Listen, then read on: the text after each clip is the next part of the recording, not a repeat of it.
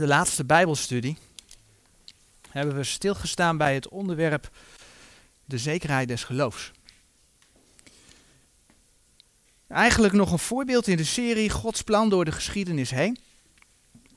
Om te laten zien waarom het zo belangrijk is om Gods woord op een rechte wijze te verdelen.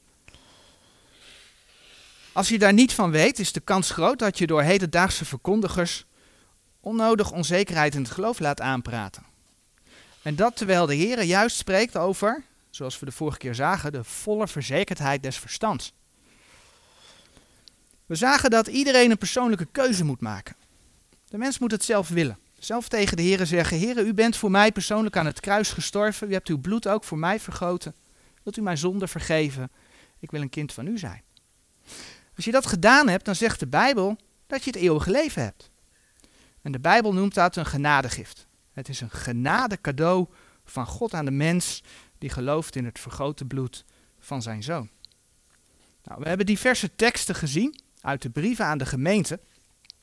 En het lijstje staat hier op de dia, die zijn we allemaal doorgelopen. Op grond waarvan we inderdaad mogen weten dat we als wederom geboren gelovigen behouden zijn. Teksten die spreken over het feit dat niet enkele, maar alle wederom geboren gelovigen de verlossing verkregen hebben. Dat alles nieuw is geworden als men in Jezus Christus is. En dat allemaal omdat ze gerechtvaardigd zijn in Jezus Christus en daardoor verzoend zijn met God. En Gods genadegiften, zegt Romeinen 11, zijn onberouwelijk.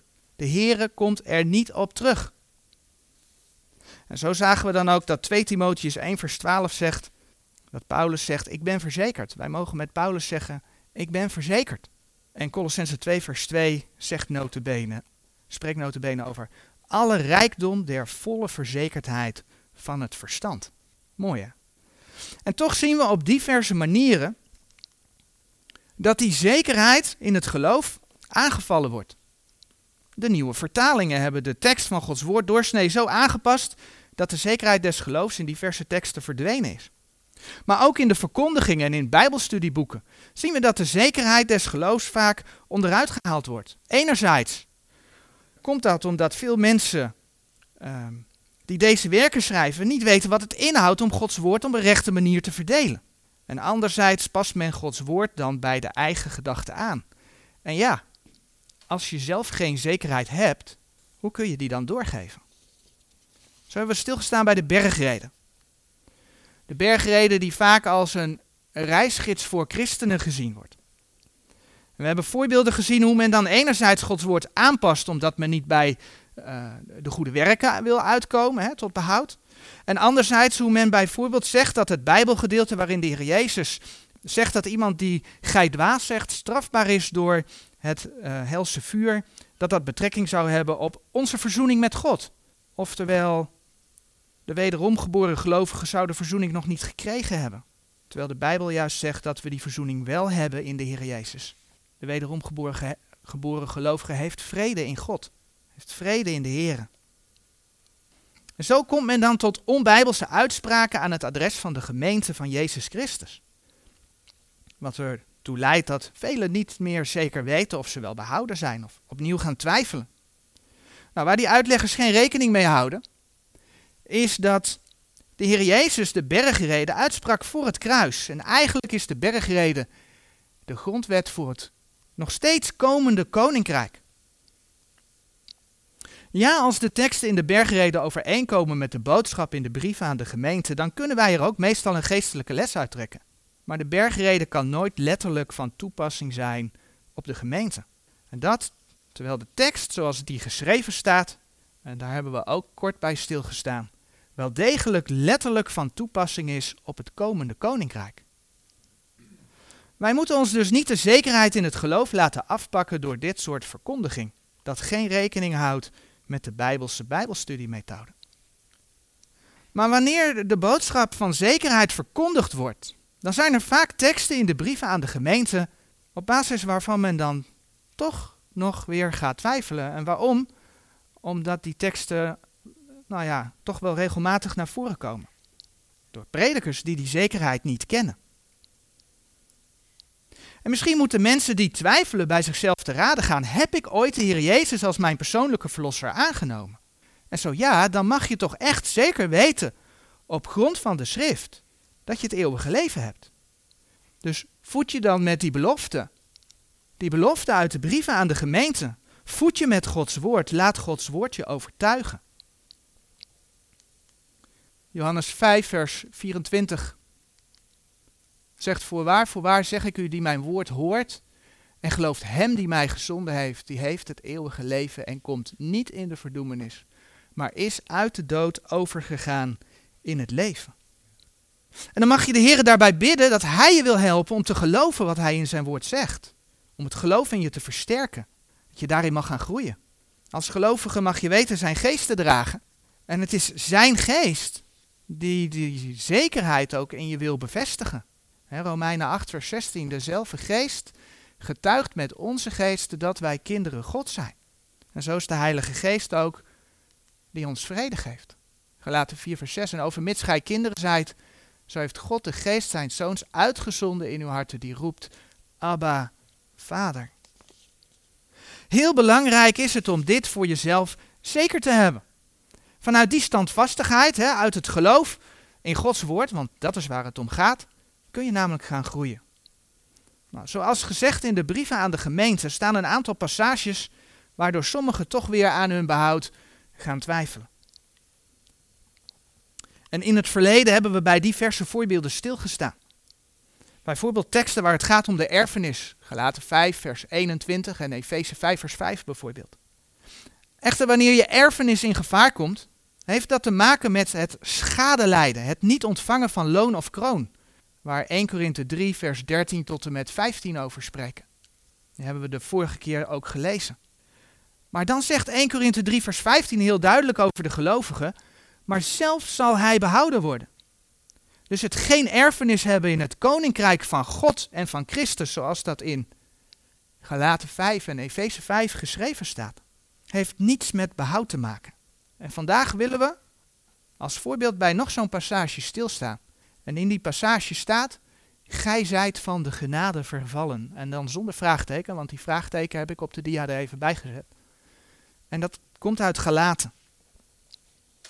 En dan wil ik graag beginnen met een stukje te lezen. En ik lees dat voor uit de NBV, de nieuwe Bijbelvertaling, de nieuw bedorven versie. Hij staat op de dia, maar ik zou zeggen, lees hem mee uit de Statenbijbel. Want dan zie je namelijk de verschillen. Ik zal proberen langzaam te lezen. Gelaten 5, vers 1 tot en met 7. En we gaan dit gedeelte straks vergelijken met Gods woord. Met de Statenbijbel.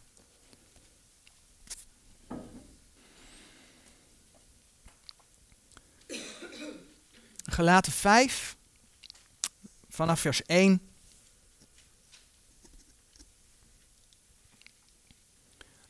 Handelingen, Romeinen, 1 Korinthe, 2 Korinthe, Galaten, Efeze. Galaten 5, vanaf vers 1, weliswaar uit de NBV. Christus heeft ons bevrijd, opdat wij in vrijheid zouden leven. Houd de stand en laat u niet opnieuw een slavenjuk opleggen. Luister naar wat ik, Paulus, tegen u zeg. Als u zich laat besnijden, zal Christus u niets baten. Ik verzeker u dat iedereen die zich laat besnijden verplicht is om de wet volledig na te leven. Als u probeert door God als een rechtvaardige te worden aangenomen door de wet na te leven, bent u van Christus losgemaakt en hebt u, van Gods genade, hebt u Gods genade verspeeld. Want door de geest hopen en verwachten wij dat we op grond van geloof als rechtvaardigen worden aangenomen. In Christus Jezus is het volkomen onbelangrijk of men wel of niet besneden is. Belangrijk is dat men gelooft en de liefde kent die het geloof zijn kracht verleent. U was zo goed op weg. Wie heeft u verhinderd de waarheid te blijven volgen?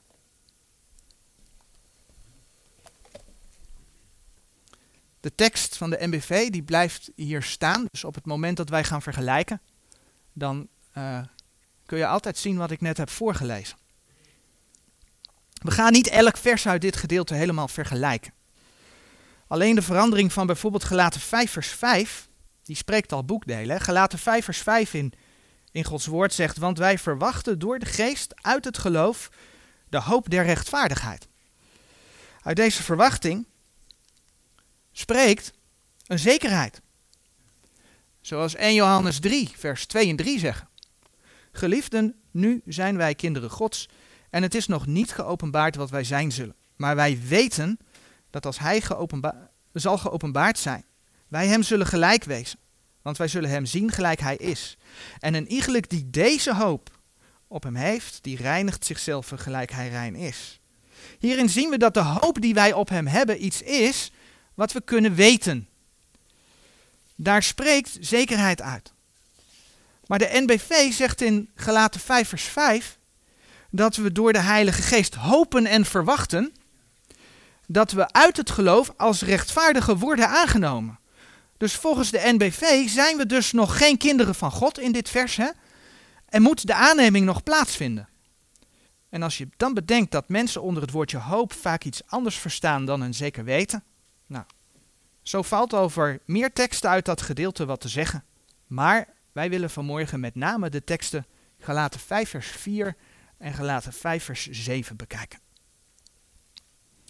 Gods woord. De Statenbijbel zegt in Galaten 5 vers 4. Christus is uw ijdel geworden, die door de wet gerechtvaardigd wilt worden. Gij zijt van de genade vervallen.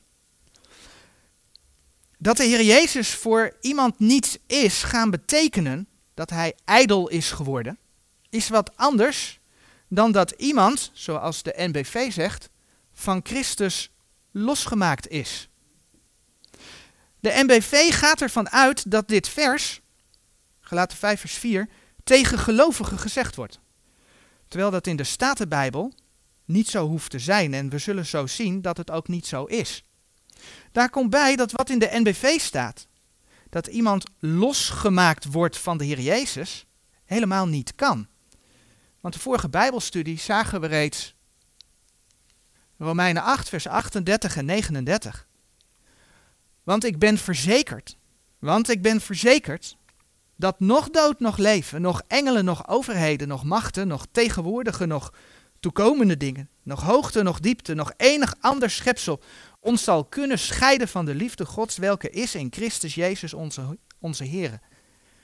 Gods woord zegt dat niets ons zal kunnen scheiden van de liefde Gods, welke is in Christus Jezus. En nu zegt de NBV dat wij losgemaakt kunnen worden van Christus. Want als je losgemaakt wordt, dan ben je dus eens vast geweest, ben je eens bij Christus geweest. En dat de theologie inderdaad die kant op denkt, blijkt ook bijvoorbeeld uit de BGT. De bijzonder giftige tekst, oftewel de Bijbel in gewone taal. De Bijbel in gewone taal zegt in Galaten 5 vers 2 en 3, ik waarschuw jullie, jullie moeten je niet laten besnijden, want als je dat doet, dan heb je er niets meer aan dat je bij Christus hoort. Ja, dus daar wordt de tekst tegen christenen gezegd. En als je je dan laat besnijden, dan heb je er niks meer aan dat je bij Christus hoort. En dan komt de BGT dus met gelaten 5 vers 4. Daarmee bereik je alleen dat je niet meer bij Christus hoort en dan zal God je niet redden. Je hoort dan niet meer bij Christus en God zal je dan niet meer kunnen redden. Iets wat volgens Gods woord dus gewoon onmogelijk is. En wie denkt dat de heel subtiele versie, de HSV, de herziene statenvertaling beter is? De herziene statenvertaling zegt in Galaten 5 vers 4, u bent van Christus losgeraakt, u die door de wet gerechtvaardigd wilt worden, en daarmee bent u uit de genade vervallen. Als je los kunt raken van Christus, dan ben je dus eerst bij Hem geweest. En volgens de HSV kan dat dus ook. En omdat je volgens de HSV gescheiden, losgeraakt kunt worden van de Heer Jezus, zegt de HSV dus ook dat je uit de genade kunt vervallen. En uit de genade vervallen wil dus eigenlijk zeggen dat je er eerst in bent geweest, want je valt eruit. Maar dat kan dus niet, want Romeinen 11, vers 29, we de vorige keer bij stilgestaan, Gods genadegiften zijn onberouwelijk. Hij komt er niet op terug. Maar van de genade vervallen, zoals Gods woord dat zegt, staat de Bijbel, dat betekent wat anders. In, we gaan even een uitstapje maken naar Johannes 10. In Johannes 10, daar wordt een gelijkenis van de goede herder gegeven.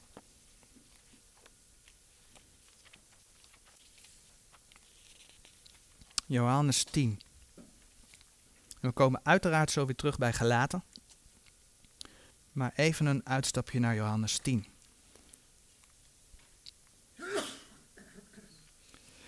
De Heer Jezus die zegt in Johannes 10 vers 1, Voorwaar, voorwaar zeg ik u lieden, die niet ingaat door de deur in de stal der schapen, maar van elders inklimt, die is een dief en moordenaar.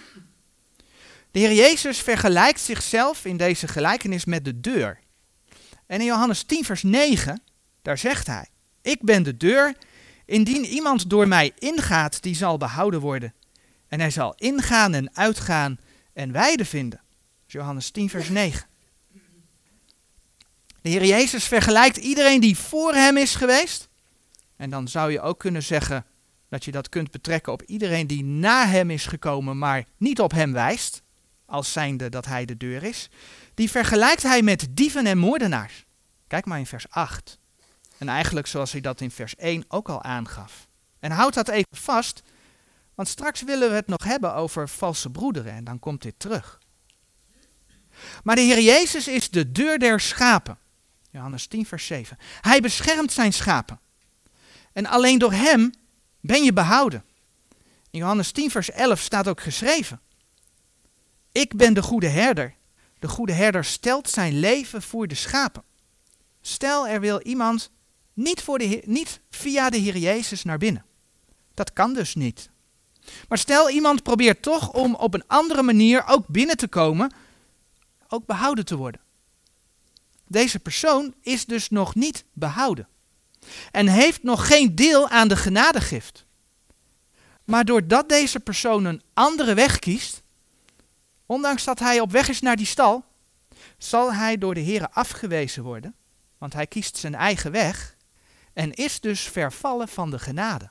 Hij valt niet uit de genade, want hij heeft het nog niet gegrepen.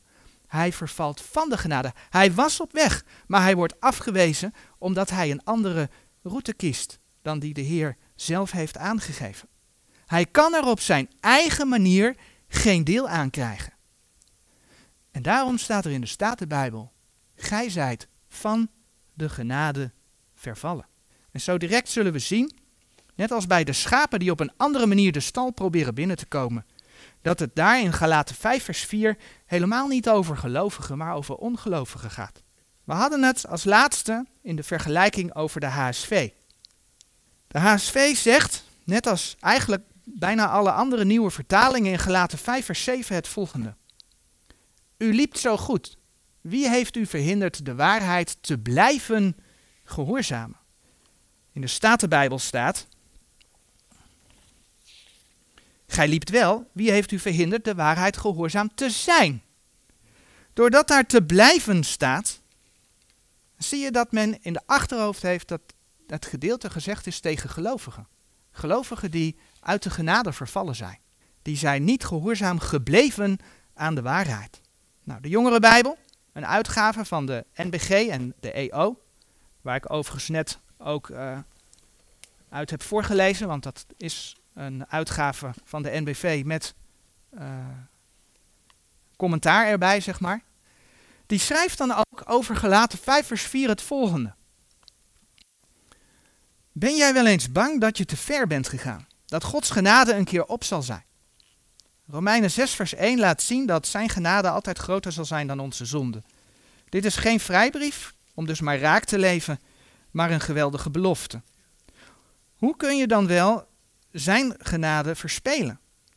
Door die toch weer van je eigen inspanningen te verwachten, dan maak je jezelf los van Christus. Maar oké, dat is de MBV. Dat is de uh, Bijbel die de EO uitgeeft. En ja, de EO is natuurlijk een weg naar beneden bezig. Maar dan heb ik hier de Schofield Study Bijbel. Dat is een studiebijbel die, om een voorbeeld te noemen, ook van de bedelingen uitgaat. En bekend staat als behoorlijk bijbelgetrouw. Nou wordt er in Galaten 4, de versen voor Galaten 5, een allegorie gegeven. Dat is een, uh, een, een, een, een stukje tekst waar een vergelijking in zit. En over die allegorie wordt dan het volgende geschreven in deze Schofield Study Bijbel. En dat is de Engelse tekst. Ik lees even de vertaling voor. De allegorie, versen 22 tot 31, is geadresseerd aan gerechtvaardigde, maar nog onvolwassen gelovigen. Die onder de invloed van wettische leraren en naar verlangen om weer onder de wet te zijn. Daardoor heeft het geen toepassing op een zondaar die rechtvaardiging zoekt. Het stelt de vraag en beantwoordt deze meteen. En dat voor de vijfde keer in deze brief is de gelovige onder de wet. Tot zover het commentaar van Schofield bij gelaten 4 vers 22 tot en met 31. In deze toelichting staat dus dat de allegorie geen toepassing heeft op een zondaar die rechtvaardiging zoekt oftewel een ongelovige. En boven het vervolg in de Schofield Study Bijbel, en dan de Bijbeltekst, daar staat dan ook een kopje, Application of the Allegory, toepassing van de allegorie. Dus gelaat 5, de eerste 15 versen, gaat dus niet over een zondaar die rechtvaardiging zoekt. Dus ook Schofield zegt dat gelaten 5, vers 4 bijvoorbeeld, over gelovigen gaat. En als ik dus Schofields kopje met zijn commentaar neem, zegt dus ook Schofield dat de gelovige van, ja dus uit de genade, kan vervallen. Dat is de conclusie. En dan hebben we het over toch wel dicht bij huis. Maar laten wij nou eens naar gelaten kijken. Laten we kijken of de context nu duidelijk maakt of het in gelaten 5 vers 4 om gelovigen of ongelovigen gaat. Allereerst begint de gelatenbrief best bijzonder. In de meeste brieven aan de gemeente zie je staan dat de brief gericht is aan gelovigen in Christus Jezus. Kijk maar in Romeinen. Romeinen 1 vers 7. Romeinen 1 vers 7. In Romeinen 1 vers 7, daar staat allen die te Rome zijt, Geliefde Gods en geroepen heiligen. Genade zij u en vrede van God onze Vader en de Heer Jezus Christus. Het begint dus met alle die te Rome zijt, maar daar zit een toelichting bij. Daar staat bij geliefde Gods en geroepen heiligen en geroepen heiligen. Dat is gericht aan de gelovigen te Rome. Hetzelfde zien we als we een beetje doorbladeren in 1 Korinthe 1 vers 2. 1 Korinthe 1 vers 2. En in 1 Korinthe 1 vers 2 lezen we dan. Aan de gemeente Gods die te Korinthe is, de geheiligden in Christus Jezus, de geroepen heiligen, met alle die de naam van onze Heer Jezus Christus aanroepen, in alle plaats bij de hun en onze Heren. Bladeren we verder naar Efeze. Gaan we Galaten voorbij. Efeze 1 vers 1. Paulus, een apostel van Jezus Christus, door de wil Gods, de heiligen die te Efeze zijn en gelovigen in Christus Jezus. Gericht aan de gelovigen in Christus Jezus. En een laatste voorbeeld, bladeren we nog even door naar Colossense. Naar Galaten komt uh, uh, Efeze, komt Filippense, dan komt Colossense. En dan Colossense 1 vers 2. Den heilige en gelovige broederen in Christus die te kolosse zijn. Aan de heilige en gelovige broeders in Christus die te kolosse zijn. Geschreven aan mensen die in Christus zijn. En dan terug naar Galaten. En dan lezen we in Galaten 1, vers 2. De aanhef. En al de broeders die met mij zijn. En dan gaat het eigenlijk om het tweede deel van dat vers. Aan de gemeenten van Galatië en daar staat niet achter die in Christus zijn, uh, zoals bij de andere brieven. Aan de gemeenten van Galatië. De brief aan de Galaten onderscheidt zich van die andere brieven doordat het niet zozeer gericht is aan het lichaam van Christus, maar gewoon aan de gemeenten van Galatië. En zoals in elke lokale gemeente, daarin kunnen zich zowel geredde als ongeredde mensen bevinden. En overigens, daar waar de andere brieven geschreven zijn, eigenlijk aan een gemeente in één plaats, meestal, is deze brief geschreven aan meerdere gemeenten. Gelaten was namelijk de naam van een streek.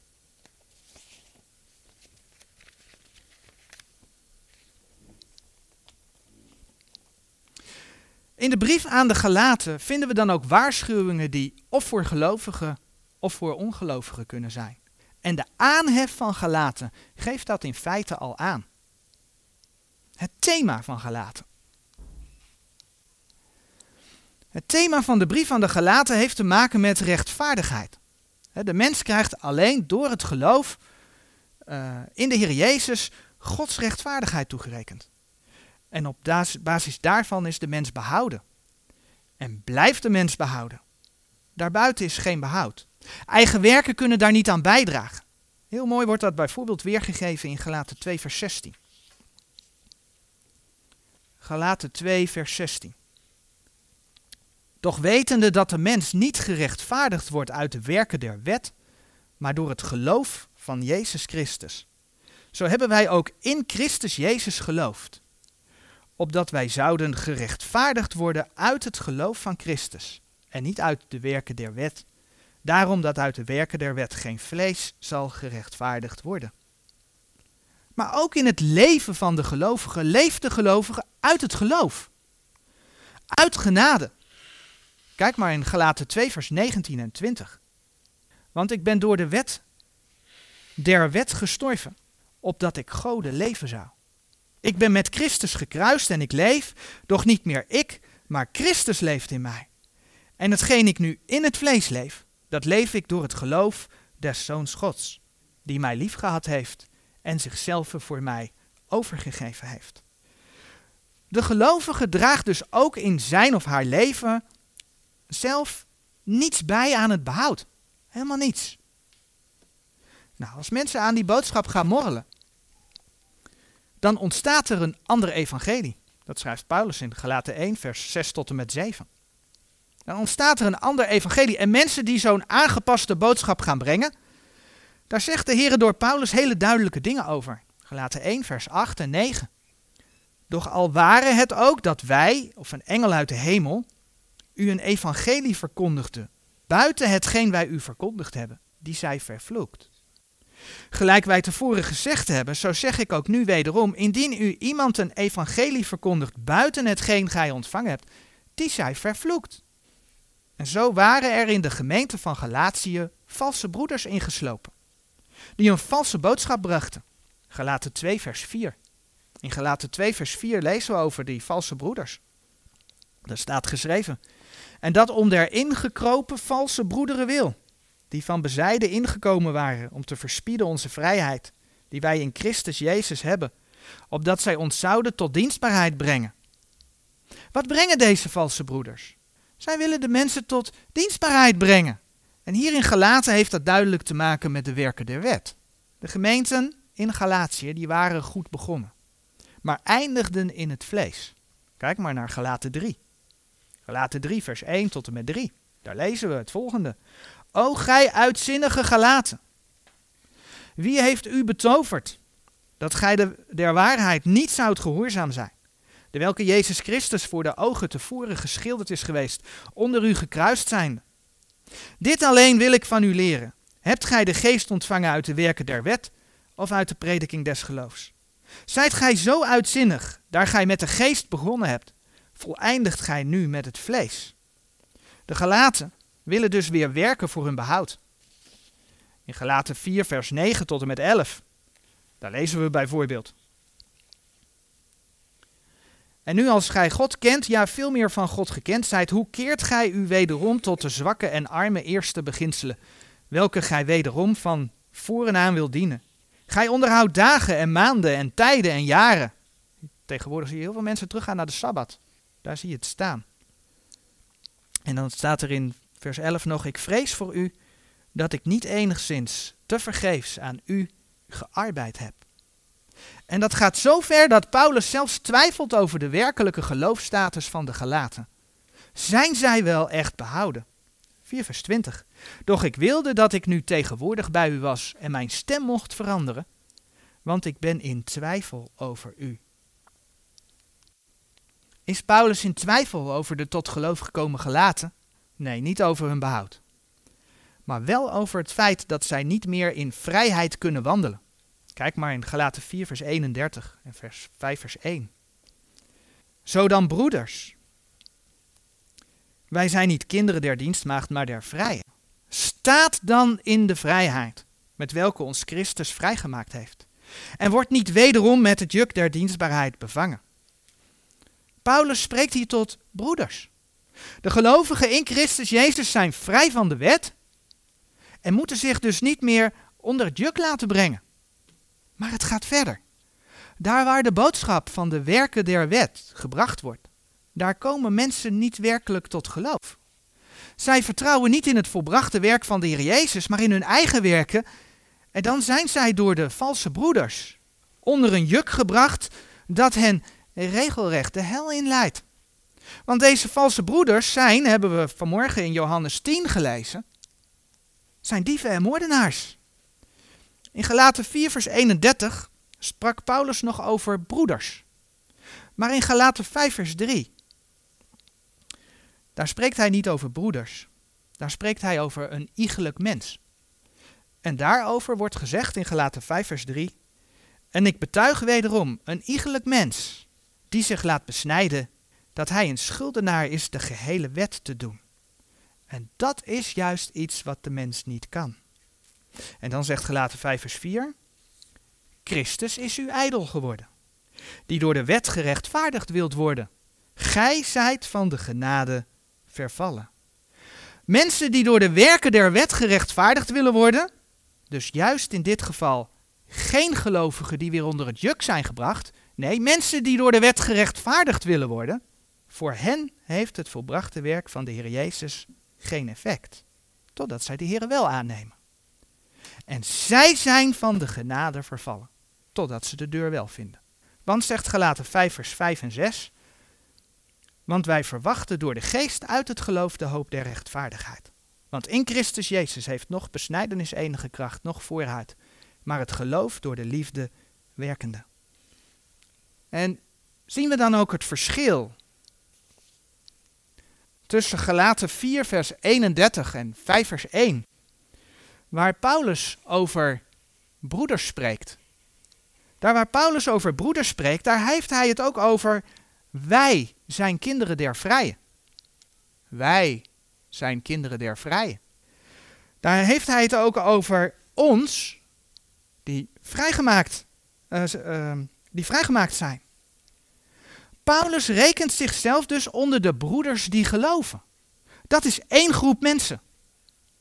Terwijl Paulus in Galaten 5 vers 4 spreekt over Christus is u ijdel geworden. En gij zijt van de genade vervallen. Hier is blijkbaar een tweede groep mensen binnengelaten, waar Paulus zich niet onder rekent. En hier hebben we de tweedeling in gelaten. De groep gelovigen waar in ieder geval een deel zich weer onder dienstbaarheid heeft laten brengen, maar ook een groep ongelovigen die door de prediking van valse broeders nog net zo ongelovig is. En dan zegt gelaten 5 vers 7 nog, gij liept wel. Wie heeft u verhinderd der waarheid gehoorzaam te zijn? Door hier gehoorzaam te blijven van te maken, zoals diverse nieuwe vertalingen doen. Iedereen zijn eigen bewoording, maar hier staat het nog in de HSV en hier zien we het in de NBV. Um, bevestigen de theologen dat zij vermoeden dat het in deze verse om gelovigen zou gaan. Maar door de waarheid gehoorzaam te zijn, zoals Gods woord het heeft, kan dit zowel gelden voor gelovige broeders die zich onder het juk van de dienstbaarheid hebben laten brengen, maar kan het ook gelden voor de ongelovigen. De gelovigen waren goed op weg, alleen hebben zich van de vrijheid laten beroven. En de ongelovigen, die waren ook goed op weg. Ze hadden de gemeente opgezocht. Ze lezen in de Bijbel. Maar ze hebben de waarheid niet gehoorzaamd. Ze hebben Jezus Christus niet als hun persoonlijke verlosser aangenomen, omdat ze op hun eigen werken vertrouwen. Eigenlijk zoals Johannes 3, vers 36 zegt. die in de zoon gelooft, die heeft het eeuwige leven. Maar die de zoon ongehoorzaam is, die zal het leven niet zijn, zien. Maar de toorn gods blijft op hem. Terugdenkend aan de stal van de schapen. En ieder die niet door de deur, door Jezus Christus, naar binnen gaat, is van de genade vervallen. Nogmaals, die versen in Galaten 5, vers uh, 2 tot en met 4 gaan niet over gelovigen, maar over ongelovigen. Wat de theologen ook beweren. In Galatië zijn gemeenten ontstaan die mensen inlijven in een religieus systeem dat niet tot behoud leidt. Dat is wat er gaande is. En dat is waarom Paulus in twijfel is over hen. Maar zien we dan ook de link naar vandaag de dag? Ook vandaag de dag zijn er die de werken der wet prediken. En mensen weer onder dienstbaarheid brengen. Maar door hun boodschap er ook voor zorgen dat veel mensen niet tot werkelijk geloof komen. In de Heer Jezus. Die niet hun zonde gaan beleiden en danken voor het grote bloed van de heiland. Maar die de werken der wet gaan doen. Want daar voelen ze zich goed bij omdat ze zelf wat kunnen doen. En dan kun je dat nog veel breder trekken dan de werken der wet. De Rooms-Katholieke Kerk kent de werken van de sacramenten die je moet ondergaan om bij de kerk te horen en dus om behouden te zijn. De protestantse kerk zegt bijvoorbeeld ook dat je de kinderdoop moet ondergaan om behouden te worden. Maar de Jehovah's getuigen, de zevende dagadventisten of de mormonen, hebben allerlei regeltjes die je moet houden om ergens te komen, om iets te worden. En zo zijn er vast nog vele voorbeelden meer te bedenken. Voor al deze groepen waar geen wedergeboorte, vaak geen wedergeboorte gepredikt wordt. Waar mensen niet geleerd wordt dat de Heer Jezus hun persoonlijke verlosser is. Zonder werk, hè? Daarvan zegt Gods woord dus, en, en als je dat bedenkt, is dat nogal wat.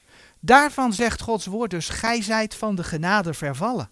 Betekent dat dat ze vervallen, dat ze nooit meer bij, natuurlijk niet. Als ze de deur, door de deur naar binnen gaan, dan worden ze behouden. Doen ze dat niet omdat ze in hun systeem meehobbelen, carrière maken, want dat is vaak in die kringen ook zo, steeds hoger op het trapje komen, dan zijn ze van de genade vervallen. Dat is wat Gods woord zegt. En mensen zien dit als christelijke stromingen. Stromingen binnen het ja, christelijk geloof, christendom. Maar deze groepen hebben weinig tot niets meer te maken met het lichaam van de Heer Jezus. Het is net als wat de Heer Jezus reeds tegen de schriftgeleerden in zijn dagen op aarde zei. Laten we het opzoeken, Matthäus 23, vers 15. Matthäus 23, vers 15.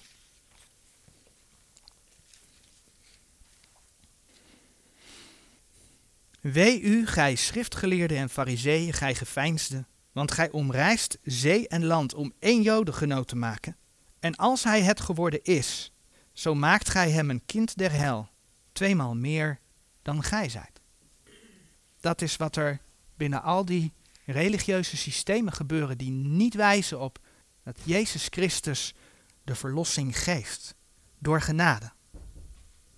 Maar net als bij de Galaten kunnen er onder hen zijn die zich wel onder een juk hebben laten brengen, maar die wel geloven. Die toch weten dat de Heer Jezus hun bloed voor hen vergoten heeft en dat dat de weg is. Die kunnen er zijn. En dan zegt de Bijbel dus, ook al verbranden al hun werken, 1 Korinthe 3 vers 15, zij zijn wel behouden. Want voor een gelovige in Christus Jezus geldt, een kind van God kan niet van de genade vervallen.